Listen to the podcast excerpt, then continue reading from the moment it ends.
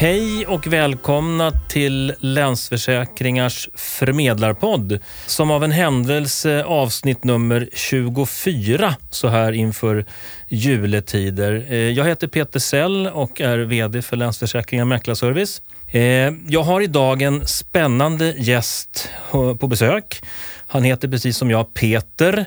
Han är väldigt sjövan. Jag har känt honom i över 20 år. Skulle han vara tatuerad så eh, finns det risk för att LF-loggan skulle sitta någonstans eh, inristat. Det är hans fjärde största, eller hans fjärde uppdrag i Länsförsäkringsgruppen. Eh, han är sedan 2016 chef och ansvarig för Forskningsfonden.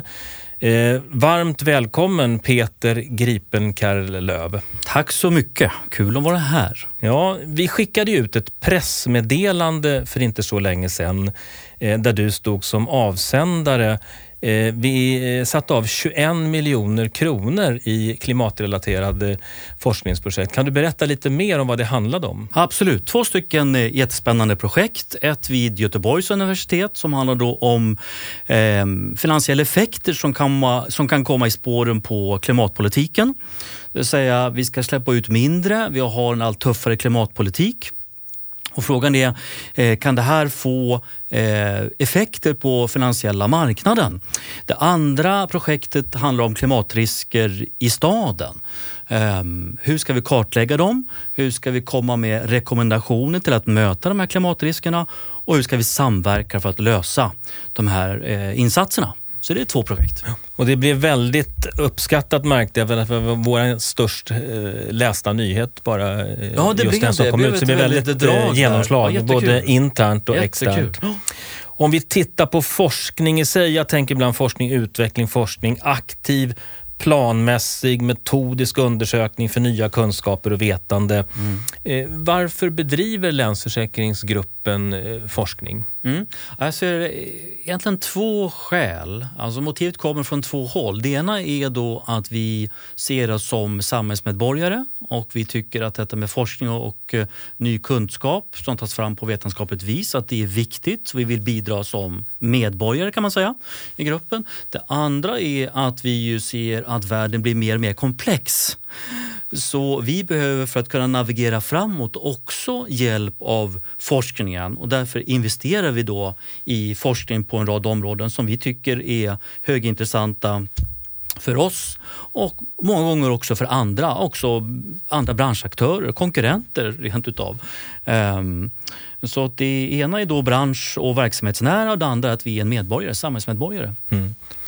Jag tänker ibland på, på bilindustrin, läkemedelsindustrin som sätter av mycket pengar. Hur, tjänsteproducerande företag och, och, och vi som försäkringsbransch, hur ligger vi till generellt sett att, att investera i forskning? Är vi, är vi bra eller ligger vi på framkant? Nej, eller? vi ligger efter. Alltså, generellt sett så ligger ju hela tjänstesektorn efter till exempel eh, klassiska tillverkningsindustrin eller eh, transportsektorn eller medicin och så vidare. Jag tror att det hänger ihop med en lång tradition där eh, de här andra då branscherna har präglats mycket av naturvetenskap. Det har varit ganska eh, naturligt att eh, ta hjälp av de som ligger långt fram i naturvetenskapen och som forskar för att utveckla egen verksamhet och egna produkter. Um, så det finns en lång och god tradition där. Däremot vi andra som finns då på tjänstesidan Eh, vi har inte samma närhet till det här. Eh, det kan också bero på att eh, en del av det som vi är intresserade av kommer från samhällsforskningen. Den är ju mer, eller ofta då, inriktad på att odla frågeställningar, försöka förstå vilken är den egentliga frågan och sådär. Få många perspektiv på eh, omställningar som pågår i samhället. Det är svårare att få den direkt omsatt. Och inriktningen på de projekten som ni har igång mm. kring forskningen, kan du berätta lite grann om inriktningen? Mm. Eh, alltså egentligen, vi utgår från fem stycken områden som är utpekade för oss. Ett som heter Morgondagens samhälle. Vi tittar en hel del på stora samhällsomställningar då förstås. Urbanisering, eh, digitalisering, delningsekonomi. Vi tittar också på ett andra område som heter tryggt boende. Ett tredje, trafiksäkerhet. Ett fjärde, klimatanpassning. Och till sist också så lägger vi en del medel på att förstå detta med ömsesidigheten och dess möjligheter och fördelar och hur det kan utövas. När vi då går in liksom för, ja men okej, okay, vilken fråga ska vi då ge oss på nu? Så börjar vi med att titta på, har vi tomt under någon av de här fem rubrikerna? Ja, det kanske är tomt inom tryggt boende. Och då försöker vi gå ut till kollegorna internt och fråga, eh, finns det någonting som vi kämpar med i verksamheten där vi vill ha draghjälp och där vi tror att forskning kan bidra till eh, något eh, nytt och viktigt vetande både för oss och för andra.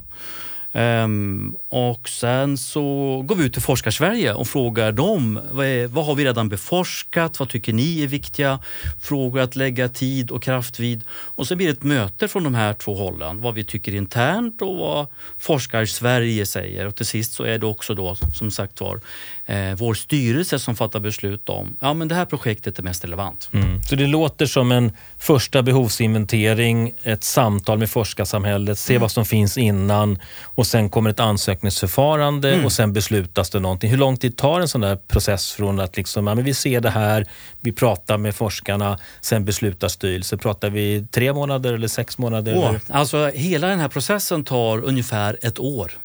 Mm. Hela processen. Mm. Från det att vi går ut med en utlysning och säger mm. välkomna in med ansökningar kring den här frågeställningen. Det är sex månader och då mm. tror jag vi är snabbast i Sverige. Mm. Och det där gör vi publikt, det blir transparent, ja. folk kan ta del av det. Inte, det är ingenting vi bara använder i Länsförsäkringsgruppen utan vi, vi delar med oss. Absolut, ja, men det är ju en viktig del eh, också av eh, stiftelseverksamheten. Alla resultat eh, offentliggörs så vi är noga med att dela med eh, samhälle, med bransch och med vem egentligen som helst som, som vill ta del av resultaten. Eh, Peter, kan du beskriva något eh, nyligen genomfört lyckat eh, projekt som, som, som, är lite branschnära också? Mm.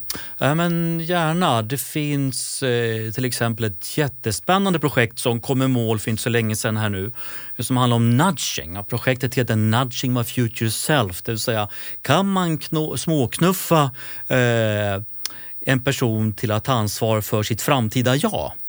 Eh, hypotesen var att yngre är sämre på att fatta eh, eftertänksamma, reflekterade beslut, ekonomiska beslut. Vi är många som har sett det här med eh, sms-lån och sådär. Hur slår de mot unga som drabbas och de är kanske ute på lördagskvällen, pengarna är slut, så är det 3 000 kronor på en kvart och 700 procents ränta. Det är inte så lyckat. Eh, men den här hypotesen föll tidigt i projektet faktiskt. Yngre är inte sämre på att vara eftertänksamma eh, utan det är andra saker som gör då att ibland är det någon yngre men också äldre kan vara väldigt då dåliga på att vara eftertänksamma och eh, ta sig tid med ekonomiska beslut. Så det är mer en personlig läggningsfråga än, en fråga om ålder. Yt eller utkomst då, förlåt, utkomsten eh, så kan vi se då till exempel att eh, människor är mer benägna att dela upp förluster än vinster. Det vill säga om vi gör en investering och ser att det växer till sig så vill vi ha hem alla pengarna på en gång. Men däremot förluster, de vill vi liksom avbetala över längre tid. Så det är lite spännande. Så att, eh, det finns ju områden misstänkas som ligger oss varmt om hjärtat eftersom vi också bedriver en ömsesidig verksamhet mm. över 21 län. Att vi någonstans vill Eh, jag menar, det pratas om urbanisering, den regionala tillväxten, den digitala omställningen och så vidare. Mm. Jag misstänker att vi utgår ifrån våra kunder naturligtvis. Vad ser man för trender som kan liksom forskas kring som, som innebär att det här, hur utvecklas Sverige? Vi vill ju att hela Sverige Oj. ska leva. Ja, här finns det ju alltså jättemycket spännande områden. Um, vi tittar då på detta med urbaniseringen ur en rad perspektiv med pågående projekt. Eh, vi kan se till exempel där då att det inte bara handlar om förtätning i sig. Det handlar om en omställning som också handlar väldigt mycket om digitaliseringen. Så vi bor på mindre ytor på det här sättet, vi samlar oss på mindre ytor. Densiteten ökar på några platser i Sverige fortsatt. Det började på 30-talet men har ju fortgått och pågår också nu. Ehm, Eh, så har vi en digital omställning med ökad automatisering. Då får vi också en allt mer uppdelad arbetsmarknad. Det är några som hänger med, som är välutbildade eh, som sitter i styrsits och så får vi då också eh, allt fler som på något sätt betjänar de här människorna som faktiskt har det ganska lyckosamt och som, som finns då i servicesektorn. Vi ser också i, i, i centrum många städer, det är nagelvårdare, eh, vi har en personlig PT, vi har någon som städar vårt hem när vi är på jobbet och sådär. Ehm, så vi tenderar att få då en allt mer uppdelad arbetsmarknad i spåren av den här utvecklingen. Så det är exempel på saker som vi ser. Vi ser ökad samhällspolarisering. Ehm, um, hur många som känner till det, att, att um, eh, ansamlingen av kapital finns på allt färre händer i samhället. Vi ser att detta med hälsa och ohälsa en eh, allt tydligare uppdelning. Alltså har ökat fetma i samhället i vissa grupper men också mm. de som tränar och sköter sig. Så mm. ökad samhällspolarisering är någonting som också vi, vi ser i samhällsomdaningen. Mm. Om vi går ner i lite branschnära projekt för att eh, idag så är det mycket ord. Det är algoritmer, det är big data, det är robotar, det är blockchains och, och, och misstänker på om vi tar våran bransch då, då som på något sätt det är rinna, brinna, försvinna på sak och det är kortliv, långliv och sjukdom på liv och så vidare. Ser du några branschnära projekt? Då, då? Du nämnde nudgingen som en del, men som vi också kommer ha väldigt stor nytta av genom de här forskningsprojekten som kommer leda till att produkterna utvecklas på ett annorlunda sätt, på ett bättre sätt och delningsekonomier och sånt. Mm. Eh, är det något branschnära projekt som du vill mm. liksom slå ett extra slag för? Ja, ett är ju, är ju transparenta algoritmer mm. i försäkringsbranschen. Alltså vi har ju redan idag möjligheten att eh, gå in på eh, en app eller på en hemsida i digitala kanaler och snabbt få besked om till exempel en bilpremie. Vad kostar det att försäkra min nya bil här? Eh, och där bakom är det en svart box som räknar ut det här. Kunden lägger in eh, några stycken data och får snabbt besked om det här blir din försäkringspremie.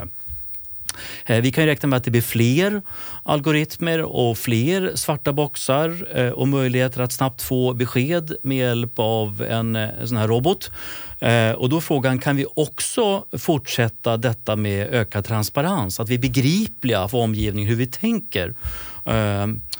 Så det blir spännande att se om vi kan införa då eh, fler algoritmer och ändå ta kliv framåt kring eh, öppenhet och begriplighet för, för kunderna om hur vi tänker och hur vi ser på risk och räknar på risk. Mm. Så det är ett sånt projekt. Titta också på blockkedjeteknik ja. och vad den kan innebära för oss på olika sätt.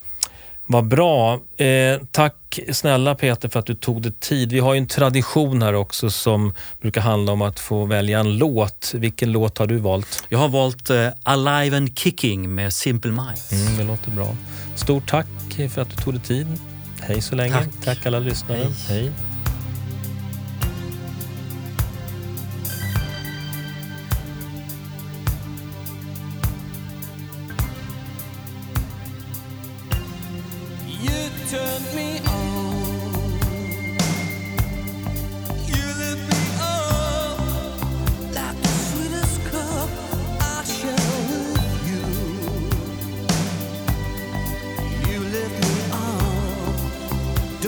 ever stop.